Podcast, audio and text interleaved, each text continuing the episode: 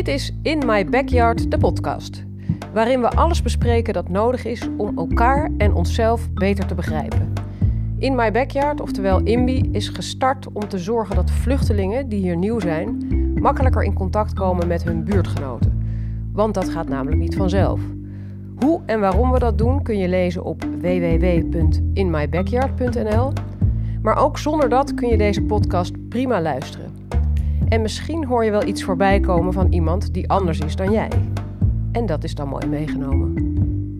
Vandaag praten we verder over het telefoontje aan het eind van de vorige aflevering, waarin Anwar vertelde hoe druk hij het heeft met zijn studie, zijn stage en zijn werk. En hoe hij eigenlijk nauwelijks toekomt aan een sociaal leven, terwijl dat juist zo belangrijk is. Hij moet wennen aan de manier waarop Nederlanders hun dagen vol plannen en dat heel normaal vinden. We praten erover door met Anwar, die vandaag gelukkig wel tijd heeft om te komen. Halle Gorashi, hoogleraar diversiteit aan de VU in Amsterdam. Zij kwam hier zelf 31 jaar geleden als vluchteling uit Iran. Anja Čonkic, die 26 jaar geleden uit voormalig Joegoslavië naar Nederland kwam.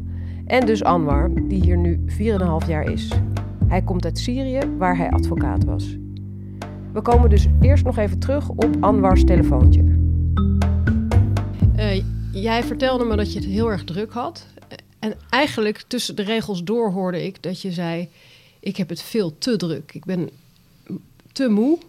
Ja. En um, eigenlijk eindigden we het telefoontje een beetje van: Nou, Anwar, hou vol. Ja. En dat ik vroeg: Hou je het wel vol? En dat je zei: Nou, ik hoop het. Ja. Hoe is het nu met je? Uh, ja, goed. Is uh, nog steeds aan het leven. En uh, dat is ook een, een goede gebaar. En hoe gaat het nu? is nog steeds hetzelfde drukte, dus niks veranderd. En, maar dat is, hoort bij, ik, ik, denk, in, in mijn periode nu, als wat ik allemaal aan het doen ben. En ja, de drukte zijn nog steeds hetzelfde, maar ja. Maar het gaat goed. Maar je hoopt dat dit een fase is, dat het voorbij gaat? Ja, dat bedoel ik. ik dus eigenlijk twee hopen.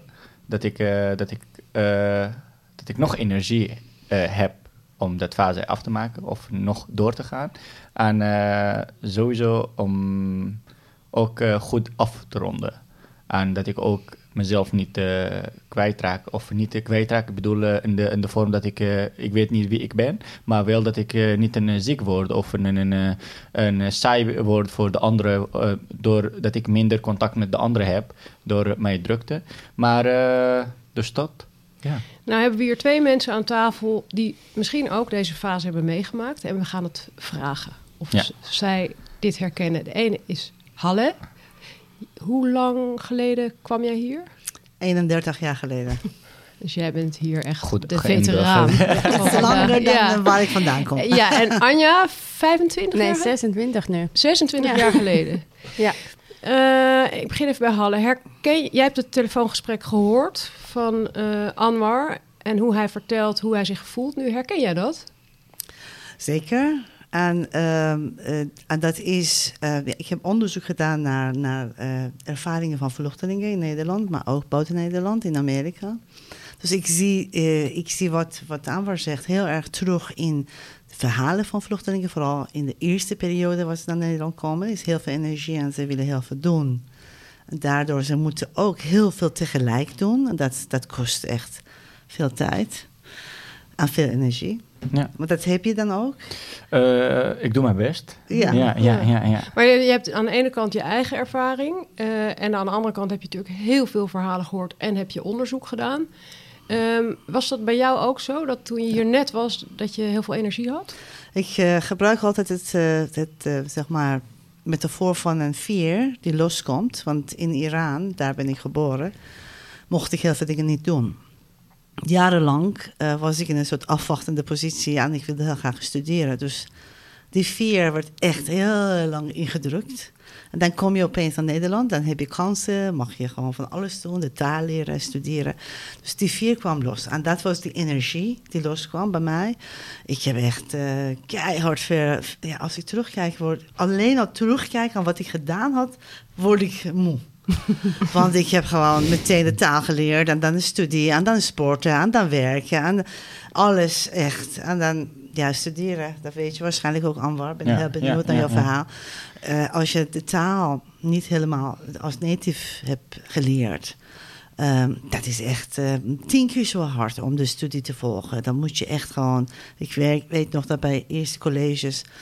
mm, werd ik zo gewoon rood van, van luisteren. Echt, alles ging naar mijn hoofd, naar mijn oren. En, Ja. en, en, en dat is dus ehm, extra in, inspanning. Maar wat het bij mij wel eh, achteraf gezien heel goed gewerkt heeft, is dat ik ook heel veel gesport heb. Ik heb echt enorm veel. eh, ja, eh, proberen gewoon mijn energie ook anders kwijt te raken. En dan ook wat ontspannen. Door eh, ja, wat mij bijvoorbeeld. Dus niet alleen maar inspannende sport doen, maar ontspannende sport. Dat was heel erg belangrijk. Ja. Als je tijd voor hebt. Ja, ja. Even naar Anja. Eh, jij was 19 Ja. toen je hier kwam. Hoe oud was jij, Halle? Toen je... Ik was 26. Ja, dus iets ouder al. Ja. ja. En hoe was dat bij jou, Anja, toen je hier kwam? Ja, ik herken wel eh, dat fear. Ja. Maar ik herken het ook anders, omdat ik weet dat het, toen ik hier kwam... en toen dacht ik, wauw, iedereen woont hier bij elkaar in vrede. Want in mijn land was het niet echt toen. Even voor de duidelijkheid, jij komt ik kom uit eh, ex-Jugoslavië. ja, Ik Halle zeg het altijd ex-Jugoslavië. en Anwar uit Uit Syrië. Syrië. Ja. En ehm, ik weet wel, dus je herkent dat, dat je voelt, oh, ik kan hier alles. Dat vrijheid en mensen ontmoeten. En, eh, maar bij mij was het anders. Ik ben meteen, eh, ik kreeg een dochter, echt bijna een jaar nadat ik hier was. Dus ik was heel erg bezig met moeder zijn en, en leven zelf eigenlijk te bouwen hier in nieuw land. Dus toen was het een ander soort drukte. Dus het is wel heel erg ook moeder zijn en een partner zijn. Ik was toen meteen getrouwd. Dat er wel heel veel vrijheid was, maar dat ik echt mijn eigen weg moest zoeken. Hoe moet dat? En dat voelde heel erg druk in mijn hoofd toen. Ik voel, als ik ook nu terugdenk, dat is echt eh, een periode waar je niet echt kan ontspannen. Je bent alleen maar aan het rennen om, om die feiten achter te halen. Dus dat herken ik wel heel erg. Ja. Het leven gaat door en jij moet dan echt hard rennen om, om dat te pakken. En, eh, Er zijn allerlei aspecten. Eén is dat je, je, je vanwege de taal moet je heel veel Ja. inhalen. Maar ook vanwege het feit dat je eigenlijk nieuw bent, moet Ja. je de tijd inhalen. En alles is ook nieuw. Dus dan moet je eigenlijk heel veel leren. Dus dat element, eh, dat, dat komt allemaal op elkaar. Eigenlijk stapeling van allerlei inhaalelementen. Klopt. En daarnaast, eh, heel vaak in onderzoek zien we dat vluchtelingen bijvoorbeeld, eh, wat wij onderzocht hebben, die eh, eh, hebben het gevoel, en dat eh, gold zeker bij mij ook, eh, van je moet eigenlijk je vluchteling zijn waarmaken. Je, moet het, eh, je moet eigenlijk laten zien dat je niet voor niks hier bent en je best doet om het beste uit te halen. Ja. Want heel veel mensen hebben die kans niet gehad. Ja. Die blijven achter. Dus je hebt ook een soort morele plicht als vluchteling Ja. om het goed te doen. Dus persoon, dat is ja, dat, dat, voel ik ook. Hala, de, de, alleen maar positieve dingen inleveren en doen. Anders, eh, je, bent, eh, je verdient het plekje niet. Precies. Dus eh, is onze rol alleen maar goede dingen doen. Alleen maar laten zien dat wij goed bezig zijn. Alleen maar is niet dankbaar gevoel, maar stiekem wordt zo verwacht. En ik en dus eh, dat, dat is prima. Dus, eh, dat, dat heeft ook twee kanten. Eén kant is motivatie, dat ik, ik, ik wil ook dat doen. Maar de andere kant, als jij één keer eh, fout doet of één keer zegt nee, ik ga niet, ik ga echt een half jaar, jaar. Kijk maar, we dachten het al. Dat is gewoon, ze zijn zo. Dus eh, je, je bevestigt de vooroordelen en dat wil je niet meedoen. Dus je wil alleen maar goede dingen doen. Alleen maar ga je werken, studeren, eh, eh, ik weet het niet wat. Maar, dat, dat, maar eh, soms voel ik dat. Mensen vergeten dat wij ook gewoon normale mensen zijn. Met, met, met ook een... een, een, een, we worden ook moe. We willen ook een, een, tijd voor zichzelf hebben. Op vakantie gaan. De enige, eh, ik, ik herinner me eh, een tijdje geleden toen ik wilde op, op vakantie gaan. Eh, ja, ik heb ook in- op Facebook gelezen waarom de, waarom, eh, de nieuwkomers gaan op vakantie. Kijk maar, ze gaan naar, naar dure plekken.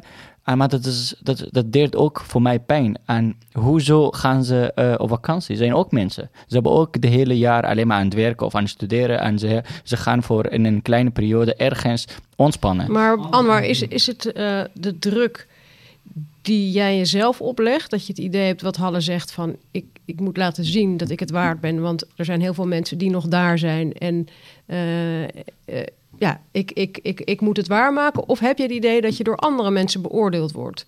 is beide. En eh, bij de andere mensen eh, beoordeeld eh, wordt, dat, dat, dat, dat, dat, dat heb ik een beetje wel. Dat ik altijd, ik eh, mensen verwachten dat ik alleen maar goede dingen doe. En dat doe ik al. En dus ik doe mijn best om niet alleen maar voor mij als Anwar, maar ook voor ons beeld als nieuwkomers te ver- verhelderen. Herken je dat, Halle? Op verschillende manieren. Eh, kijk, het is eh, inderdaad een interne en externe druk. Dat, dat is heel goed, eh, heb je het heel goed aangegeven, Anwar.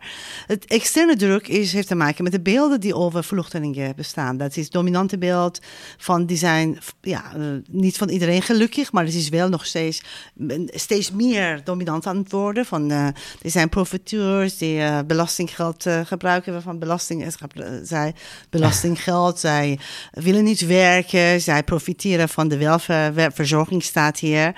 Eh, en dat heeft ook een druk dat je eigenlijk heel goed wil doen. Eh, dat je niet eh, aan die beeld mensen wil bevestigen in dat beeld. Maar als je kijkt naar de jaren 80, toen ik naar Nederland kwam, jaren ze- 90, dat was ook niet, dat was niet zo sterk zo'n beeld, maar nog steeds wel een beetje.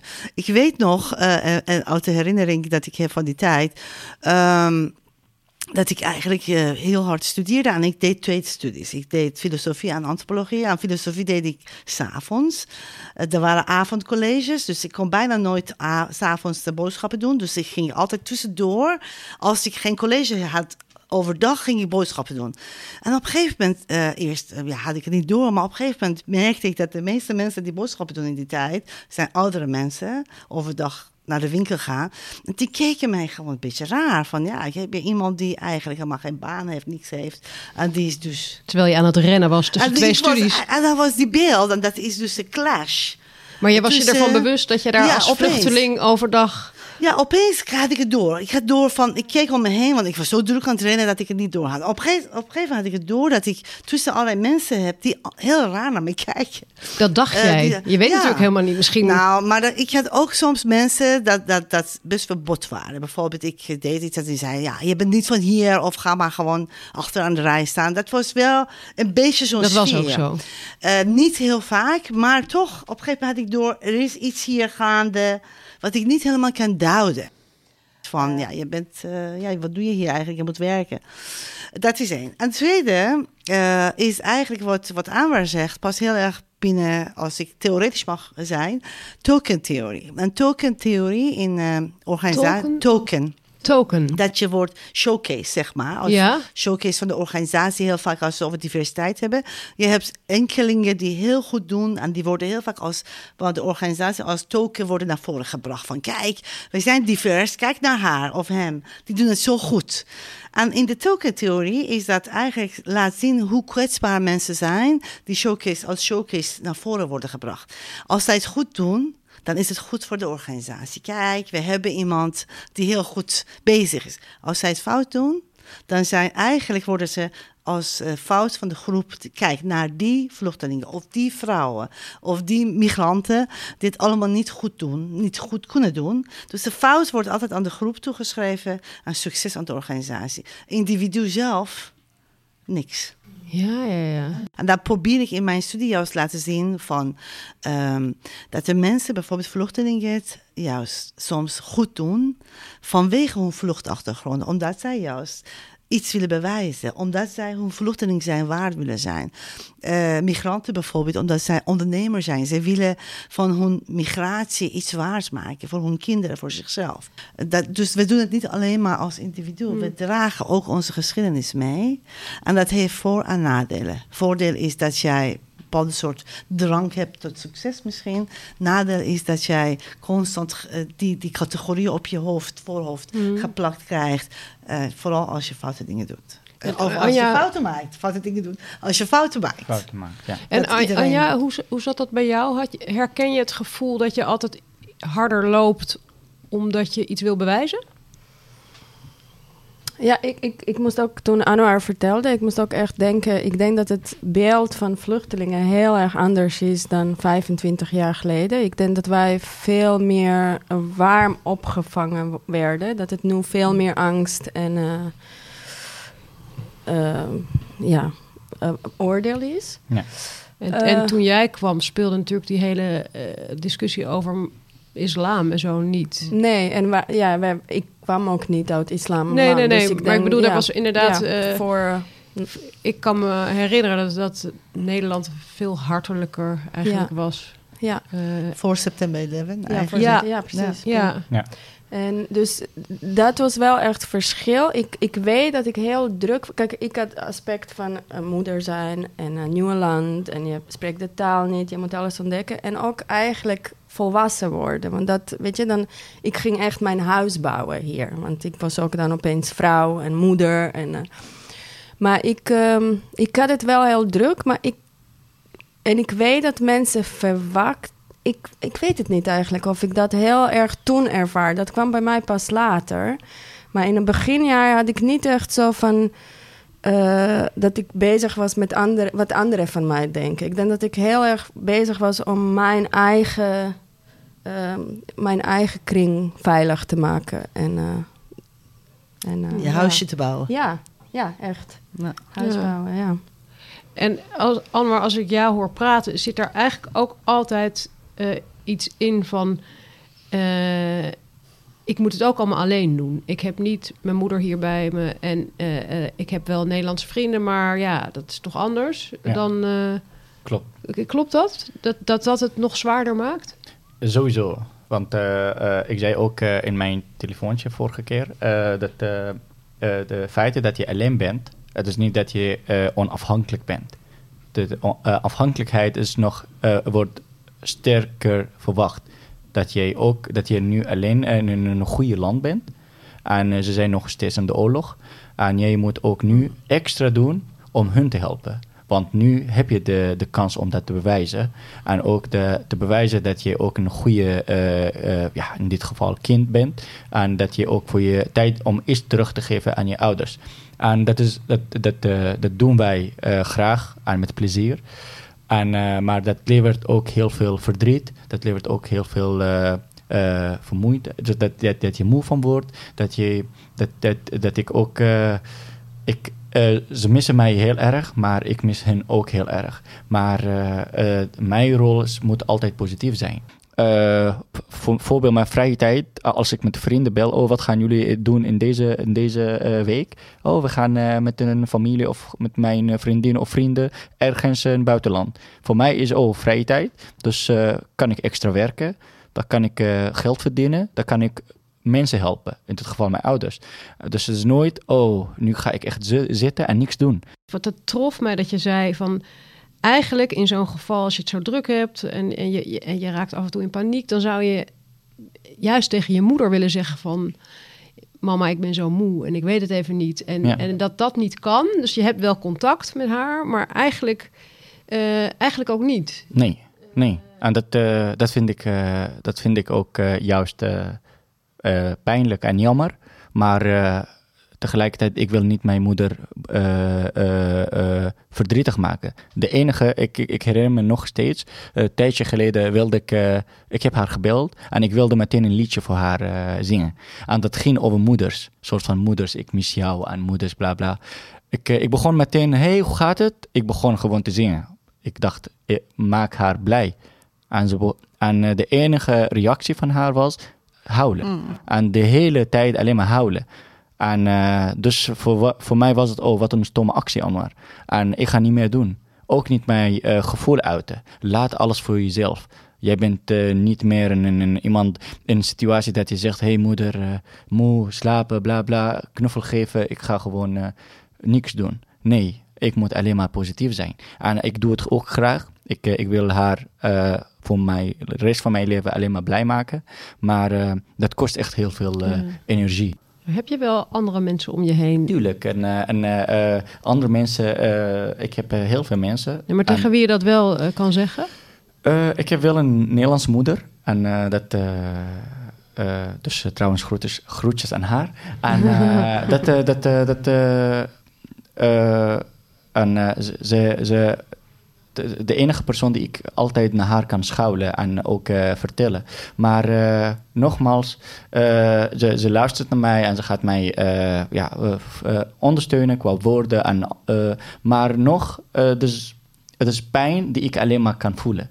Het is niet de pijn om te vertellen of te delen, want dat, dat, dat kan je niet delen. Dat is gewoon jouw ding. En, uh, dus, uh, en ik ben ook een persoon die alleen maar leuke dingen met de ander wil delen. Niet altijd, maar ik probeer mijn hmm. best te doen.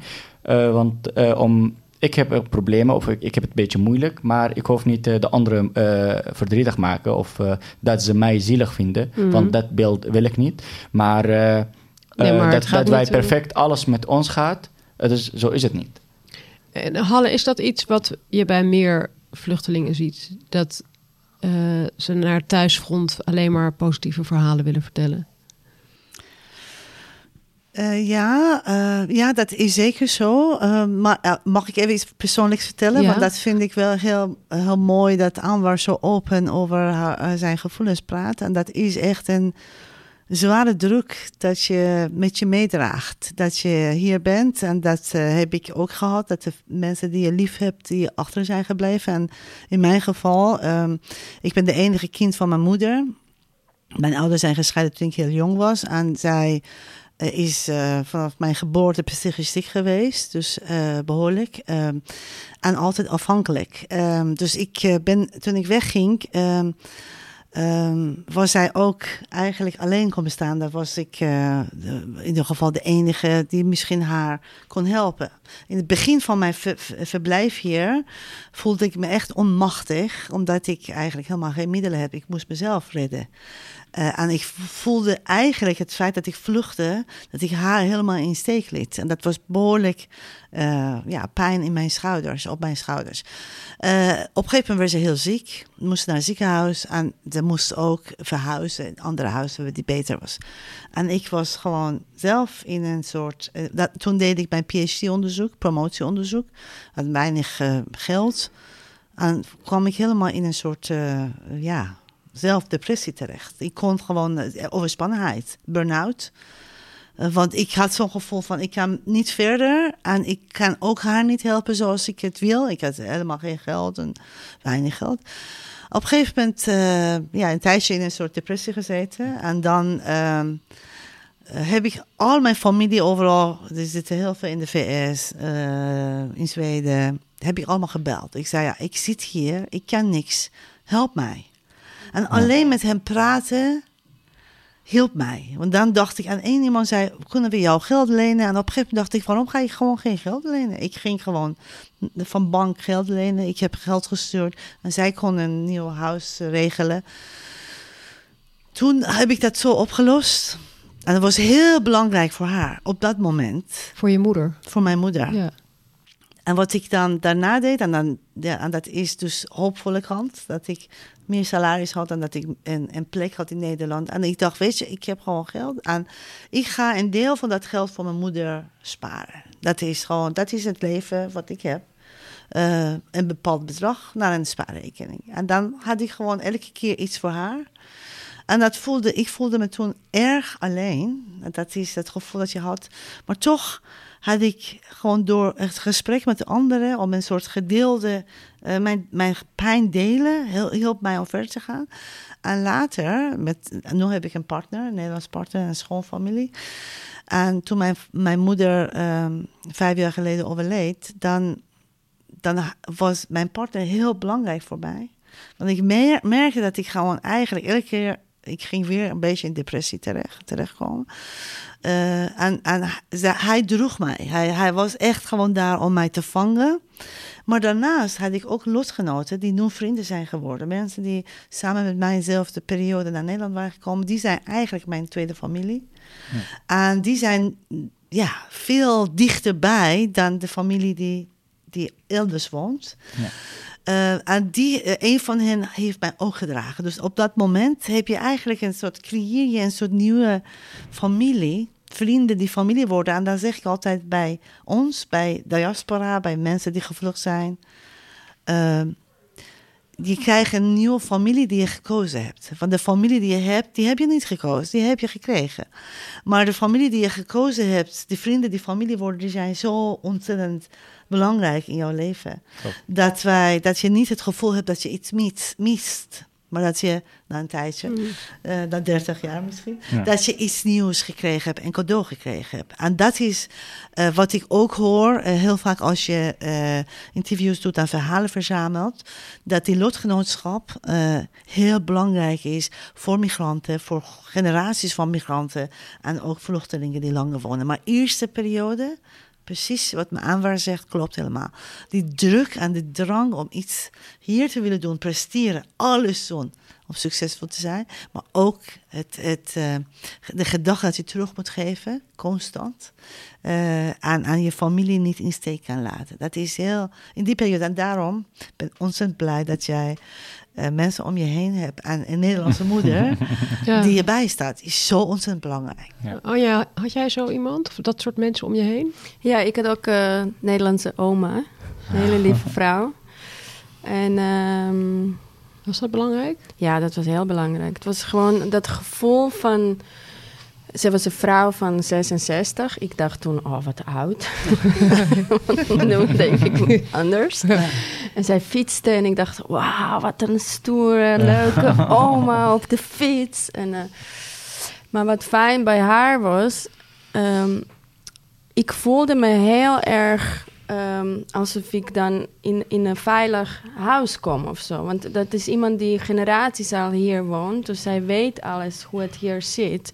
Dus het was heel belangrijk voor mij om gewoon gewoon bij haar soms te zijn. En het duurde wel om even relatie te bouwen. Maar later werd ze ook echt oma van mijn dochter. En altijd op alle verjaardagen. En eh, ja. En was dat dan ook iemand eh, die naar je luisterde en waar je niet alleen maar positieve verhalen aan hoeft te vertellen? Kon je ja, daar... zeker. Ja. Maar dat is ook, denk ik... Kijk, je voelt je zo eenzaam in jouw verhaal. Dus een paar keer als je het vertelt en wordt niet gehoord... dat is best wel dan... kan heel erg nog meer eenzaam voelen of traumatiserend of zo. Dus het duurde wel tijd totdat ik echt weer...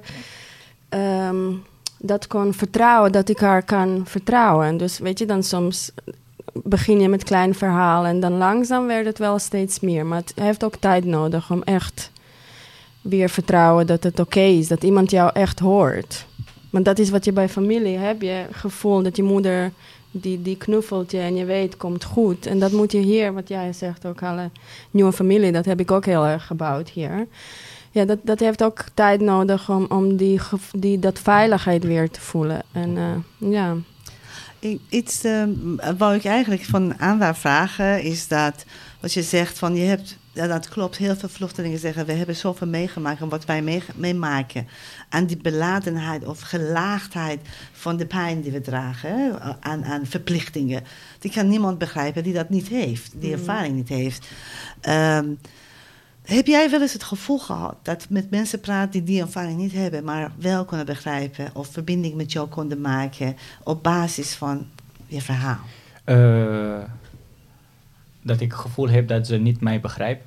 Nee, wel begrijpen. ja. Dat zij toch die ervaring niet hebben, maar toch vanuit als je een verhaal deelt, dat ze wel die verbinding voelen. Ja, dus eh, dat is afhankelijk eh, aan wie ga je ga vertellen. Ik heb heel veel vrienden ook en heel veel kennissen. Eigenlijk juist kennissen, dan vrienden en daarna komt eh, ik heb een paar vrienden. En eh, dus eh, als ik ga aan hun vertellen, de, de nieuwe generatie of de, de jongere generatie, dat ze de, dus snappen dat niet. En de, de, ze krijgen meteen traantjes in hun ogen. En dan zeg ik, oh, het gaat een verkeerde kant. En dan gaan ze zeggen, ik, ik kan me niet voorstellen, Anwar, en zoiets. maar in dit geval, als ik echt iets ga delen, dan neiging ik om met de oudere mensen te doen. Mensen die echt eh eh, weten, of ze hebben heel veel dingen meegemaakt en, eh, en, eh, en ze weten wat betekent dat. En dus met, daarom, in dit geval ga ik alleen maar aan die mensen, die soort mensen. Ik ga niet met de echte vrienden die misschien zelden mijn leeftijd of jonger, om mijn pijn of mijn problemen te delen. Want ze snappen dat echt niet. Ja. Als ze, als ze tranen in hun ogen krijgen, Ja. dan is het, betekent wel dat zij wel eh, begrijpen of verbinding maken met jouw verhaal, het- omdat, omdat het hun pijn doet. Maar voel je dan bezwaard dat je, dat je ze aan het huilen hebt gebracht? Of Eh. zeggen ze zelf bijvoorbeeld van het is te zwaar, laten we iets anders doen? Of, Nee, nee, nee, nee, Ik voel me sowieso bezwaar dat ze pijn voelen, want mijn eh, is echt niet de bedoeling dat ze, dat ze verdrietig worden of zo, maar ik ga Waarom ook... is het eigenlijk niet de bedoeling? Want, Ja. eh, je hebt toch heel maar- veel eh, Ja. nare dingen meegemaakt. Het- Maar ik, ik denk dat het een proces is van, kijk, als je zo nog steeds in je traumaverwerking werkt en dan vertel je het aan iemand en iemand gaat huilen, dan heb je, oeh, dan moet je nog voor hem ook zorgen. Dus ik denk dat het echt, eh, dat het ook echt het gevoel is, oh, maar ik wil niet iemand anders ook Pijn. nog meenemen Ja. in dat. Jij Ja. wil eigenlijk dat iemand luistert en gewoon... En overeind blijft. Ja, gewoon, ja, gewoon jou hoort en dat hij sterk is en niet dat hij... Dat En dat, ja, dat- dat, dat- dat is dan misschien ook waarom jij je fijn voelde bij iemand die Ja. al wat ouder ja, was. ja, precies. Dat was voor mij heel belangrijk. Dat Ja, zeg jij dus ook. Ja, bij mij, eh, bij mij ook. Maar het is voor mij, ik, eh, ik ben gewend en ik ben zo'n persoon. Ik wil alleen maar de ander blij maken. Ik wil, eh, dus mij eh, is, eh, ik wil nooit, ik weet niet als ik ooit gedaan had of zo, maar zeker wel, dat ik iemand verdrietig maak. Maar dus als ik met iemand wil praten of iets delen, wil ik hem of laten lachen of blij maken. Maar of niks voelen. Maar niet dat hij of zij verdrietig worden. Ik, ik, ik weet het niet. Mensen, eh, niet. mensen hier zijn niet, gewend, niet ge- eh, gewend om zo'n problemen. Maar Hmm. bij mij, eh, ik voel bijvoorbeeld depressie of burn-out. Ze mogen niet bij mij horen. Ik kan niet zeggen nu, ik ben moe. Dat, dat is eigenlijk fout. Dat bestaat Nee, maar- niet in mijn woordenboek. Halle vroeg net aan jou, aan jou: heb je wel eens meegemaakt dat er een Nederlander die niet uit een oorlog komt, jouw verhaal aanhoort en jou het gevoel geeft dat er echt contact is? Ja, ja maar Hala, ik, eh, eh, de Nederlanders zijn, ze houden van plezier. Dus eh, maar, ze, ze houden alleen maar leuke dingen te doen. En eh, dat, dat is heel, heel mooi. En eh, ik ben ook, eh, ik, we, moeten van hun leren. Om niet alleen maar, eh, eh, ja, wij moeten ook leuke dingen doen. Maar, maar soms, eh, ja, niet soms, ik, heb, eh, soms, eh, ik ben bang als ik alleen maar mijn pijn of mijn moeilijke leven ga delen, dan gaan ze mij als saaie Anwar zien. We, we, willen, we willen niet meer, eh, want eh, we hebben genoeg om na te denken. Z- Dus eh, ja. daar, daarom neig ik om alleen maar, hey, komen jullie koken, eh, bla, spelen, thee en zo. Ik, Maar als ik iets wil vertellen dat ik oh, een beetje moe ben, dan dacht ik, nee, doe maar niet. Maar je kan wel een beetje doseren. Ik, Ja. ik bedoel, ik, ik Maar- kan ook zeggen van...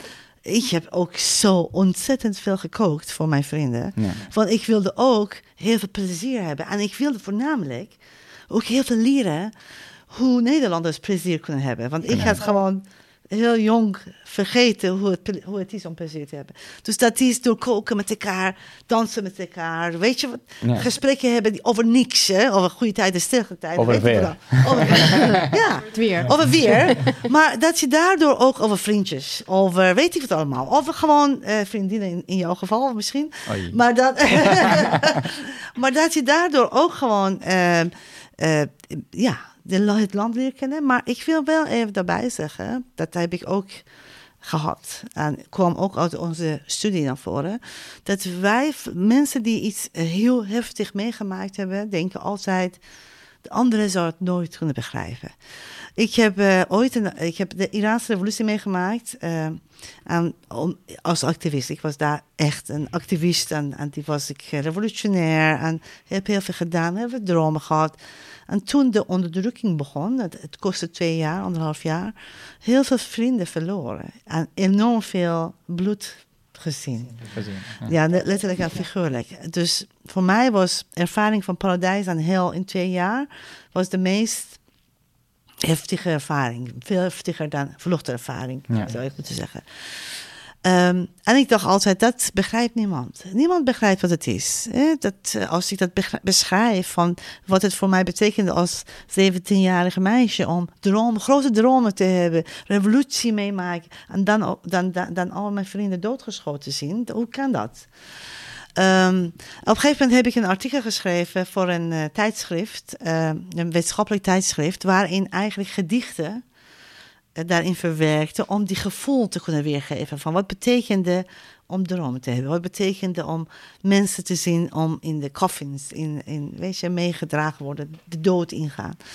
Ehm, en en ik was toen, toen ik begon, toen was ik met mijn promotie bezig. En er was een hele jonge dame die ook met, net met zijn, haar promotieonderzoek had begonnen. En precies zou ik denken, zij zou nooit begrijpen. Een hele leuke gewoon mens. Die, uh, Nederlander. Nederlander. Ja. No, Nederlandse meisje, jonge meid. Die dacht, ja, die zou nooit begrijpen. We, we hadden ook eigenlijk niet echt een klik. Totdat zij naar mij toe kwam en ze zei, Halle ik heb je artikel gelezen en ik heb zoveel moeten huilen. Want dat, die gevoelens die je daar via die gedichten naar ons toe laat komen, dat waren precies de, de, gevoelens die ik had toen mijn vader overleed. En ik heb zo'n dichte band met hem gehad. En toen hij wegging, toen voelde ik enorme leegte dat jij voelde in die jaren van onderdrukking. En jij hebt dus zo, ik, eh, vanaf dat moment had ik gedacht van, ja, wij zijn lotgenoten in, in onze pijn. Moment van pijn, dat moment van pijn. Iedereen uh, heeft zijn eigen pijn. En dat was zo bijzonder. Voor mij was het echt een eye-opener. Ik dacht, we hoeven niet altijd over onze trauma's te hebben. Maar we moeten ook niet denken dat mensen die dat intense, intensieve momenten niet meegemaakt hebben, niet zo begrijpen wat ons pijn is, want ze hebben andere intensieve momenten gehad van pijn, verlies, niet gezien, niet gehoord te worden. En daar op zoek gaan met elkaar in deze samenleving, wat zijn die momenten, emotionele momenten van verlies, maar ook vreugde, van pijn en aan prachtige momenten in het leven dat we weer vieren. Dat zijn de momenten van verbinding. En daar moeten we hem ook misschien niet vergeten. En dat is ook waar, sorry, waar hele diepe vriendschappen op ontstaan. Als je die momenten kan, kan delen, dan word je elkaars lotgenoten in het leven. En, en, dat is ook heel mooi. En dat, dan ben je minder eenzaam. Ja, het, het, is wel belangrijk. Eigenlijk zeg jij van je kan wel altijd iedereen alleen maar blij willen maken en altijd de vrolijke Anwar blijven. Maar uiteindelijk uh, doe je dan eigenlijk ook andere mensen tekort door te denken dat niemand je begrijpt. Maar kan ik iets zeggen? Want uh, in het begin... In het begin zei je, die mensen verwachten van ons dat wij altijd blij zijn, altijd goed zijn. En eigenlijk wat nu blijft bij mij hangen, ik weet niet, ik zeg iets, is dat jij eigenlijk doet mee met dit beeld. Dus eigenlijk, uh, en dat is onbewust, dat is ook niet, uh, niet erg, dat is gewoon wat gebeurt. Maar ik, ik kan me ook herinneren dat dat gewoon ook uh, periode in mijn leven ook dacht, ik moet sterk zijn, ik moet niet iedereen laten weten hoe ik me echt voel. Maar um, juist even kijken naar jezelf. Kan ik het wel met iemand delen? En wat gebeurt als iemand het niet onthoudt, uh, niet ontvangt? En, uh, en ook eigenlijk wat Halle zegt, in die kwetsbaar, in die pijn delen met iemand, daar, daar gebeuren echt wonderen. Daar kan je ook jezelf ontmoeten in een mooie manier. Want om juist altijd sterk te zijn, dan doe je jezelf ook tekort. Want dan durf je ook niet aan jezelf te laten zien en aan anderen. En uh, uh, ja, misschien wel dat juist meer daarmee spelen. Ja, maar ik doe het, ik doe het wel. En, en, en dat ik uh, eigenlijk niet mijn pijn, maar wel alles, alle moeilijke of grappige dingen die ik tegenkom. ik deel het wel in, indirect in, in mijn stukjes bij, bij, bij de Gelderlander. Om, ja, en daar schrijf ik wat betekent. Wat heb ik uh, de, deze week meegemaakt? En wat was moeilijk en wat was niet moeilijk? En dat is omdat het gewoon achter de uh, in papier. Alleen maar ik. Uh, dus, uh, dus dat is jouw eerste stap omdat je bang bent van de reactie. En, en niet te bang, maar en, het is wel voor mij makkelijker om dat te delen dan okay. hey vriend of. makkelijker ja. om het op te schrijven dan om het direct tegen iemand Want dan te zie je de reactie ja, niet. soort van dat is het. En punt klaar wordt in, geplaatst in de krant en dan hoor je misschien of of of uh, uh, mooie uh, positieve reacties. Hey, Krijg je veel reacties? wel, gelukkig wel. En soms gelukkig word ik niet blij van. Dus het is niet alleen maar positieve reacties. Soms krijg ik ook negatieve reacties. En dat is logisch, want ik ben ook niet eh, volledig. Maar vaak, gelukkig, eh, krijg ik alleen maar positieve eh, reacties. Ook als het één of twee zijn. Maar dat geeft ook eh, eh, gewoon motivatie. En Ja. eh, ook een, een, een, een, eh, power. Dat ik, wauw. Dat geeft ook dat ik ook niet, eh, eh, niet alleen ben hier. Maar wil dat er zijn eh, heel, nog heel veel goede mensen in, op de aarde. Prachtig. Heel Dus mooi. Dat, dat. Mm. En Halle, jij zei eh, in het begin van... ik herken dit van mezelf, maar ook uit onderzoek... dat die eerste periode, eh, dat je dan heel veel energie hebt... en dan daarna eh, is dat op? Of, we waren eigenlijk gebleven bij die veer, dat je zei... Ja. toen had ik heel veel energie... En komt er dan een moment dat je, zoals Anwar eigenlijk nu heeft, dat je denkt van jeetje, maar ik moet die opleiding afmaken en die twee studies die jij deed. Kan je voor hem schetsen waar dat heen gaat? Komt het goed? Ja, eh, dat, eh, dat is een eh, interessante vraag. Want toen aan we eh, praten en ik hoorde wat, zij zei, o- wat hij zei over eh, druk hebben, ik dacht van nou, eh, na 31 jaar heb ik het nog steeds druk. Dat maar, maar anders druk. Ehm, eh, het is, ehm, zou ik zo zeggen, in het begin, wat kijk, als ik, wat ik in, in onze studies naar voren komt, de eerste jaren, die vier die loskomt, dat is essentieel om daar ook als samenleving in investeren. Dat je eigenlijk niet het gevoel hebt, ik moet alles doen. Of ik kan niks doen, omdat ik gevangen zit in een asielzoekerscentrum. Omdat ik eigenlijk helemaal mijn weg niet kan vinden. Ik moet wachten, wachten, wachten. Dus eigenlijk wanneer die vier loskomt, daar zou je als samenleving in moeten investeren. En jezelf natuurlijk ook, om iets te bouwen. Dat is Ja. de echte belangrijke momenten dat je bouwstenen Ja. kan maken voor later. Daar zit Anwar nu middenin. Daar is precies. Hij kan studeren, hij kan Ja, het. hij heeft een- ja. En later... Maar het is wel heel veel. Het is heel veel. Eh, en daarin, daarom zeg ik, eh, dat kwam ook uit mijn eerste studie dat de vrouwen, ik heb Iraanse vrouwen, verhalen van Iraanse vrouwen verzameld. En wat ik merkte is dat zij eh, alleen maar bezig zijn. En vanwege die druk van binnen en buiten, eigenlijk helemaal zichzelf niet gunnen om ook te rusten. Ook veilige, veilige plekken voor zichzelf te creëren. Dat zij eigenlijk verhalen kunnen delen, met de anderen in verbinding komen. Dat soort momenten hebben van echt goede kwet- eh, momenten vanuit verbinding, verbinding Ja. vanuit kwetsbaarheid. Eh, dat je niet alleen sterk moet zijn, maar je eigenlijk mensen moet hebben om je heen die, waar je ook kan zeggen van ik heb het echt, ik heb even genoeg. Of Ja. ik, en dat is heel belangrijk, die balans. Ja. Dat je beseft dat in die tijd eh, van drukte, drukte, drukte ook die balans moet creëren. Jezelf echt gunnen dat je rust hebt. Want als je dat creëert, dan kan je die bouwstenen steeds verder bouwen. En dan komt een moment dat je bijvoorbeeld je familie beter kan helpen. Want nu denk je van ik kan niet rusten, want ik moet merken, werken aan geld sturen. Prima, dat moet je wel doen. Ja, dat hoort erbij. Ja. Maar ga niet jezelf vergeten in dat proces. Of niet over de kop Als je, precies, als je dat doet, dan over tien jaar is je energie helemaal op.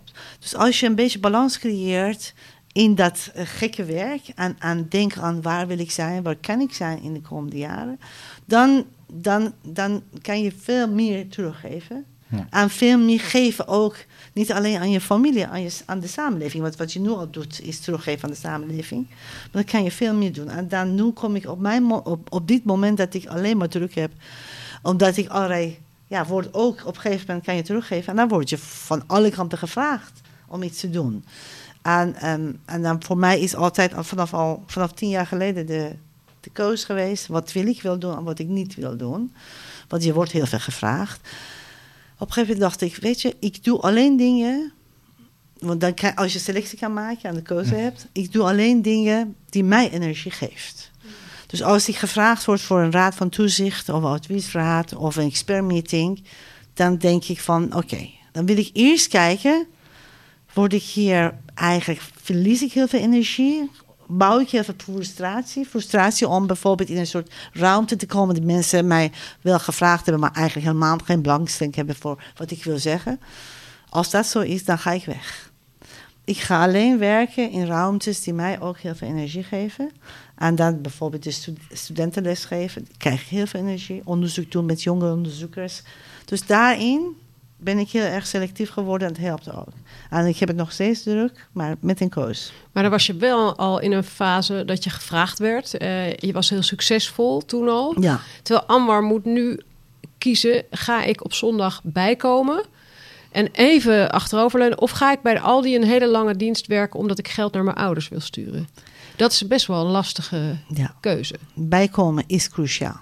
Bijkomen is cruciaal. En soms misschien kan je minder geld sturen. Dat, Ja. dat is ook de realiteit. Misschien kan je het niet altijd delen met je familie. Maar het is jouw realiteit. En die moet je wel serieus nemen. Ik denk ook als ik hoor hoe eh, jij, als jij zegt, soms kom ik thuis en dan ben ik zo moe dat ik niet eens meer wil eten, maar ik wil gewoon naar bed, dan ben je wel op een randje, denk ik. Denk je, Anja, herken jij dit? Ja, ik herken ook. Ik, ik was ook mijn vader heel lang eh, aan het betalen. En ook, toen had ik eh, geen geld en dan ook iedere maand eh, geld sturen. En dat heeft me eigenlijk... Ik, ik zou dan ook zondag zeg maar naar Aldi gaan in plaats van uitrusten. En op een gegeven moment was het gewoon klaar. Want ik dacht, ik moet hier er zorgen voor mijzelf. Wat jij zegt, Halle.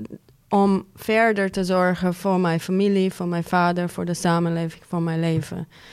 Dus ik herken het wel heel erg. Maar ik denk dat het echt, ja, dat moet gewoon vanzelf gebeuren in jouw eh, hoofd. Zo'n, hoe noem je dat? Nou ja, en ook jij zegt, ik wil geen studieschuld opbouwen.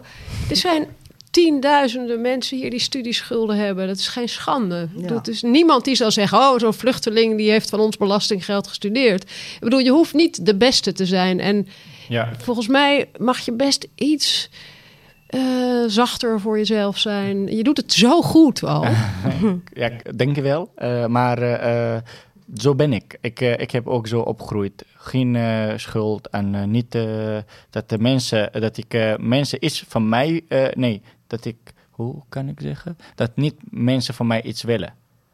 En ik begrijp dat, je zo bent. Ja. En het is heel fijn als je dat kan doen. Ja. Eh, maar als op een gegeven moment dat je voelt dat je eh, geen energie meer hebt, dat het opraakt, dan moet je dat denk ik ook heel serieus Ja. nemen. Maar ik geloof altijd dat het gewoon tijdelijk is. En ik weet wat ik allemaal aan het doen ben. Ook als het echt heel zwaar is. Het is tijdelijk. Ik, ik hoop het in dit geval. Dat is gewoon tijdelijk dat ik straks een diploma heb. Want Nederlands is papierland. Moet eh, papier bewijzen wie je bent, niet eh, andersom. Het En klopt, is- maar als je straks een diploma hebt, dan moet je nog wel energie hebben om een om, baan, om baan te vinden. ja, om met frisse Ja. moed te En beginnen. ik, dit is ook heel belangrijk, dat je eigenlijk zegt, ik ben zo. En dat, is, dat klopt ook. Toen ik uit Iran kwam, je hebt eigenlijk in je cultuur is het idee dat je niet schulden moet hebben. Dus alles koop je in één keer. Auto kopen, dat betekent eigenlijk leningen of wat we hier hebben, hypotheek en zo. Die, ja, is een beetje vreemd. Ja, Dus eh, eh, daar, daarom voor mij eigenlijk ook elke element was een leerelement dat je in ander land anders kan leven. En dat moment dat ik dacht van ik heb geen geld, dus ik moet heel veel doen en voelde me schuldig. En opeens iemand zei, waarom ga je niet geld lenen? Ik heb gewoon toen 6000 schulden of zo geleend. Was, ik was bang om geld te lenen. Maar dat heb ik, dat eigenlijk was een soort, alsof een soort licht, vers- ja, zon eh, in mijn leven. Ja, waarom heb ik niet aan gedacht? Maar omdat het gewoon niet in mijn cultuur zit. Maar dan kan je, denk je, en dat heeft echt voor mij zoveel opluchting gecreëerd. Ja. Ik zeg niet dat je gewoon heel veel moet schulden nee. bouwen. Dat is helemaal niet. Maar het gaat daarom dat je, dat je soms. eh, eh, en dan ben ik naar Amerika gegaan voor mijn onderzoek. Dan zag dat me- daar mensen leven van krediet. Eigenlijk, hoe meer krediet je hebt, hoe beter. Dus heel veel mensen hebben drie huizen. Ja, En ik totaal geen schande. Heel raar. Ik, heb, ik wil helemaal niet zo leven.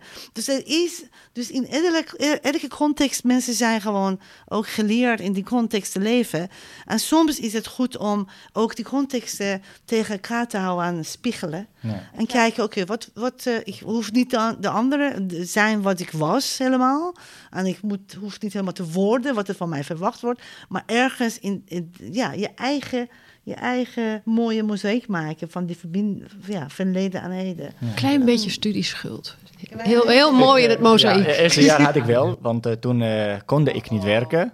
Ja, oh, eh, en, en daarna dacht ik, nee, nu, nu stoppen. En dat is eh, gewoon eh, mijn keuze geweest. Dus ik wilde dat. En eh, eh, ik ben ook nog steeds blij en eh, ook stiekem trots op mezelf dat gewoon dat ik zo kan. Maar, eh, dat snap ik. maar eh, ja, het is ook eh, ja. Straks als ik eh, eh, de duurste A4'tje in mijn leven heb, de diploma, met, eh, met, als ik eh, alles gewoon geleend heb, dan met 40.000 euro studieschuld, dan vind ik mezelf niet aantrekkelijk. Soort van, mm, nou, er is niemand die... Nou, ik, had, ik had ook 33.000 Oei. studies. Ja, maar het is eigenlijk in, in mon van tijd eh, weg. Want daar, het is heel, nou, van tijd, als ik nu terugkijk, van eer- eerst dacht ik, oh, maar ik heb zoveel school, wat moet ik doen? En dan op een gegeven moment had ik gewoon een baan. En dan kon je gewoon, dan betaal je gewoon per maand. En heb je niet eens, als je een baan hebt, nou gelukkig, als je een diploma hebt, heb je meestal een goede baan hier. Dus dat, dat is, voelt heel zwaar, maar het valt heel erg mee. Ja, ja, ja. En hoe lang moet je nog eh, studeren voordat je diploma... Eh, theoretisch eh, anderhalf jaar, maar voor mij is één jaar, want ik hoef niet. Je wilt net iets beter doen Ah, dan... nou. Ja, dus, gelukkig heb ik nu voor, voordeel van mijn diploma. Ja, ja. Ja, Oké, ja, dus, dus- nog een jaar ongeveer. Nog een jaar, dan ben ik eh, afgestudeerd. Nou hebben we allemaal hele goede adviezen gegeven. Ja, gelukkig Meer geld lenen, goed op jezelf letten. Af en toe, gaan af en toe en, kan je best wel eens iets van je problemen vertellen. Ja. Is er iets van wat er vandaag is gezegd waarvan je denkt... Dus, kan ik wel eens haalbaar. proberen? Eigenlijk van alles, maar niet eh, nog steeds van dat ik ga gewoon eh, rustig aan doen aan schulden. dat, dat, dat liever niet. Maar ik ga wel eh, even, ik ga wel eh, proberen aan mensen eh, gewoon eh, openhartig zijn, bij mensen schuilen en praten. En ja, van alles delen, niet alleen maar goede dingen en ook kan slechte dingen. En en ook, ik denk, Nederlanders eh, kunnen ik best denk wel- ook sporten, want eh, dat, eh, ik heb, ja, eh, ik ik drie keer eh, abonnement afgesloten dat ik ga sporten, maar eh, en drie keer na een tijdje gewoon eh, en, eh, geen enkele keer geweest. Dus eh, ik ga wel eh, naartoe gaan. Sporten is echt mijn redding geweest. Nog steeds, hè? Ja? Oké, oei. Dat is heel, heel goed. Ja. Dus eh, dat, eh, dat probeer ik ook te doen. Ja. Dus is er nog iets wat jij wil zeggen, Anja? Nee, ik, ik wil alleen zeggen, kijk, je, zei net, ik, wil, ik ga met mensen delen, ik ga huilen. En ik, dus ik wil gewoon zeggen, blijf bij jezelf. Ja. Dus niet nu omdat wij hebben gezegd, Nee, je moet proberen, niet. maar gewoon even kijken wat voelt voor mij fijn. En dan misschien ga je één stapje voor, stapje voor en dan weer achter. Dus dat is gewoon niet nu iets doen wat niet eerlijk, of Eerlijk, eh, ja, hoe zeg je dat, eerlijk voor jezelf voelt. Dat. Ja, maar ik zou wel willen zeggen, wees niet te bang als een Nederlander even moet huilen. Daar, kun- daar kunnen ze best wel tegen. Oh nee, Ja? dat zou je Oh, ja, het is ook fijn om met iemand mee te voelen. Het is, het is, je, je geeft iemand anders ook iets. Want je, krijgt, je verbindt je met elkaar. Ik vind het helemaal niet erg als iemand iets vertelt wat mij raakt. Dat kan ik best hebben. En ik denk de meeste mensen. Ja, de mensen vinden dat fijn, dat je, dat je ze vertrouwt, dat je iets zo vertelt. Dan, dan zegt ook dat, dat jij ze ziet als vriend. Vrienden of een, ja. Dat kan je ook onthouden. Misschien is dat... eh, En die mozaïek uiteindelijk die je maakt, is jouw mozaïek, hè? Dat is het. Ja. Jij maakt gewoon eh, wat het voor jou werkt en hoe je stukjes eh, van advies die, die anderen altijd geven, maar je eigen beleving ook aan elkaar koppelt Ja. en eh, maakt wat het je leven is eigenlijk. Ik heb nog wel één laatste vraag, Halle. Heb jij het idee, als je nu naar jouw mozaïek eh, kijkt, dat al die moeilijke jaren en überhaupt de vlucht, dat het je ook iets heeft opgeleverd? Enorm veel. Ja? Ik voel me echt een heel rijk mens. En dat heeft niet, niet te maken met mijn bankrekening, maar echt met de ervaringen. Want ehm, als ik terugkijk, ik heb best wel veel ellende meegemaakt. Ja, mijn moeder gewoon die meteen met mijn geboorte heel ziek is. Dus ik heb eigenlijk eh, mijn ouders gescheiden zijn. De revolutie die me heel veel gegeven en heel veel genomen heeft. Eh vlucht die best wel veel met zich meebrengt. Ehm, maar dan als ik terugkijk en dan denk ik van ik heb het geluk gehad om ehm, de ene ellende als perspectief voor de andere gebruiken. Om niet mezelf zielig te laten worden van al die ellende. En steeds daarboven te halen en zeggen van ik kan verder. Ik ben vierkrachtig genoeg om, om mezelf te redden. En, en, en het gek genoeg is dat ik in Nederland... ehm, mijn, mijn verleden heeft mij zoveel zelfstandigheid gegeven... dat ik ook een, survivor was toen ik naar Nederland kwam als vluchteling. Dus een overlever. Iemand die weet om te overleven. En dat is een kunst die je soms door het harde verleden leert, maar soms ook door die mozaïek die je maakt, ga je combinaties creëren die jou veerkrachtig maakt om met de nieuwe situaties om te gaan. Ehm, dat geeft enorm rijkdom aan ook wat ik, wat ik eigenlijk wat ik uiteindelijk aan het eind aan jou wilde geven. Um, zeggen is geloven, eh, als je heel erg enge dingen meegemaakt hebt, uiteindelijk ook geloof in de goedheid van de mensen is dat wat je redt.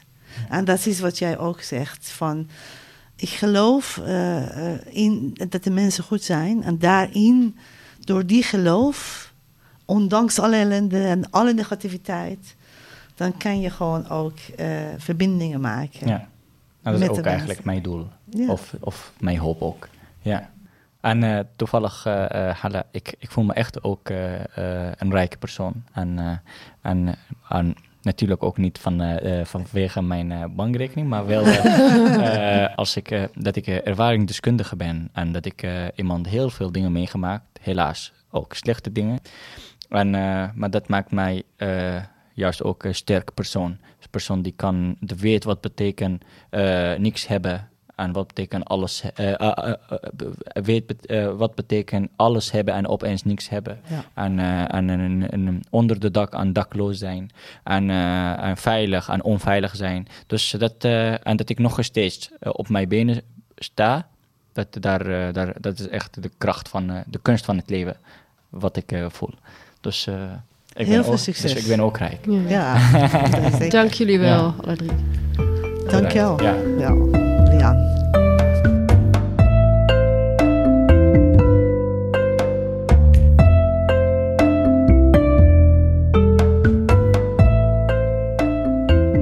Tot zover deze aflevering. Anwar gaat dus naar huis met een heel klein beetje frisse moed. Binnenkort meer over zijn belevenissen en die van anderen. We zijn nog lang niet uitgepraat over dit soort onderwerpen. De komende maanden kun je hier gesprekken horen over alles wat te maken heeft met vriendschap, familiebanden, identiteit, autonomie en onafhankelijkheid, relaties, trots, schaamte. Enfin, over het hele leven dus. Er is ook ruimte voor jullie vragen, verhalen en dilemma's. Dat kan via ons telefoonnummer 06 82 41 4247. Dus 06 82 41 4247. Spreek de voicemail in of laat een audioboodschap achter via WhatsApp. Je kunt ook mailen naar info@inmybackyard.nl. En wil je een keer aanwezig zijn bij een talkshow? Volg ons dan via Facebook of Instagram.